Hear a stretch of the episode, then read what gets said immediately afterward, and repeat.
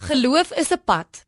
In Hebreërs 12 lees ons: Terwyl ons dan so groot skare geloofsgetuies rondom ons het, laat ons elke las van ons afgooi, ook die sonde wat ons so maklik verstrik, en laat ons die wedloop wat voor ons lê met volharding hardloop, die oë gefestig op Jesus, die begin en volëinder van geloof. Hou hom voor oë wat so fynhandige optrede van die sondersteen hom verdra het, dan sal jy ook nie geestelik moeg word en uitsak nie. Die Hebreërbrief sien geloof nie net as 'n daad van vertroue dat die Here ons sal red of gesond maak nie. Vir die skrywer is geloof 'n pad. Soos 'n atleet moet volhou tot aan die einde toe, is geloof die volhardende aanhou tot die einde toe.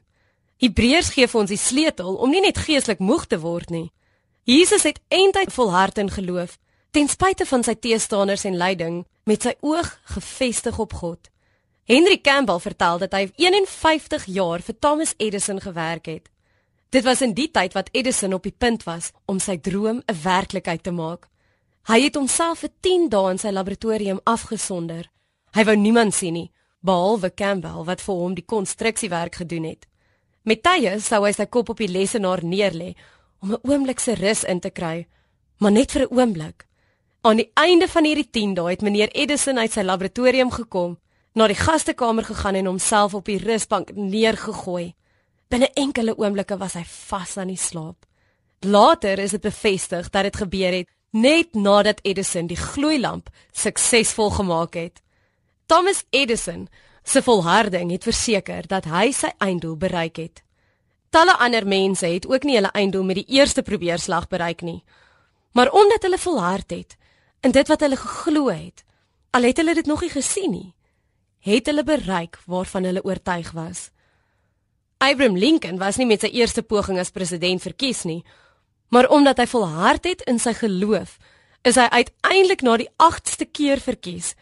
En vandag ken ons hom as een van die beste presidente van Amerika ooit. Moeder Teresa het die wêreld se armoede kon aanspreek deur een persoon op beslag te help. Maar omdat sy volhard het in haar geloof, ken ons haar vandag as 'n heilige die persoon wat werklik God se hande en voete hier op die aarde was. Met ons geloof is dit dieselfde. Geloof is nie iets wat ons in een dag kan bereik nie, maar dit is 'n volgehoue wedloop. Deur volharding, met ons oë gefestig op Jesus, kan ons die wenstreep behaal. Mag jy in jou geloof volhard soos Jesus, met jou oë gefestig op God. Mag jy volhard in dit waarin jy oortuig is, al sien jy dit nie nou nie mag jy elke dag geloof as 'n reisgenoot op jou lewenspad saamneem.